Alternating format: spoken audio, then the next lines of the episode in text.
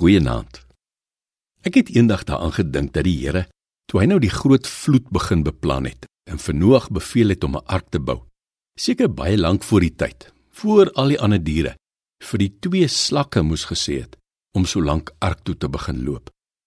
Of wat doen 'n slak nou? Hy seil seker. Maar of hulle nou geloop of geseil het, die enigste manier hoe die twee slakke betyds by die ark kon uitkom, was deur volharding en deursettingsvermoë. Ek ken soveel mense en ek is myself ook skuldig daaraan wat dinge met groot ywer aanpak, moue oprol, skouer aan die wiel sit en begin berge skuif. Sodra die werk egter rotine begin word en die skares ophou om jou te prys vir jou poging, kwyn die opgewondenheid en vervaag die entoesiasme baie vinnig en kom die groot en wonderlike projek wat ons vir die Here gaan doen tot 'n flou einde.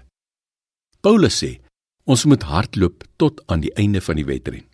Ons lewenswedren is nie 'n 100 tree plat reisies nie. Hier op aarde hardloop ons lang afstand. Elke atleet sal weet dat dit sinneloos is om weg te vlieg en alles te gee vir die eerste ronde of 3.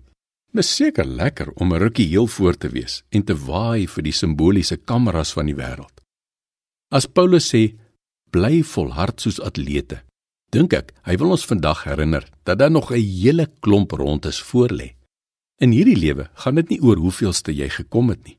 Dit gaan oor of jy die wedren klaar gemaak het. Die koninkryk van die Here en die wonderlike ewigheidsbeloftes daarvan is vir ons almal vrylik beskikbaar. Die Here gaan dit egter, nou met respek gesê, nie in ons kele afdruk nie. Ons sal moet kies en weer kies en aanhou kies om te volhard in die geloof. Die verlamde man se vriende wat hom na Jesus toe gebring het, het nie omgedraai toe hulle van ver af die skare mense om die huis sien waar Jesus was nie. Hulle het nie opgehou probeer toe hulle met hulle lam vriend nie naby Jesus kon uitkom nie. Hulle het vasgebyt en aanhou probeer. Kan jy jou indink om daar op die plek 'n plan te moet maak om toue in die hande te kry en dan om met die lam man en al hierteene leer op op vreemde mense se huise dak te klim die dakpanne weg te skuif en die lamme dan met toue deur die dak te laat afsak tot by die Here Jesus. Ek meen, wanneer is te veel moeite, te veel moeite?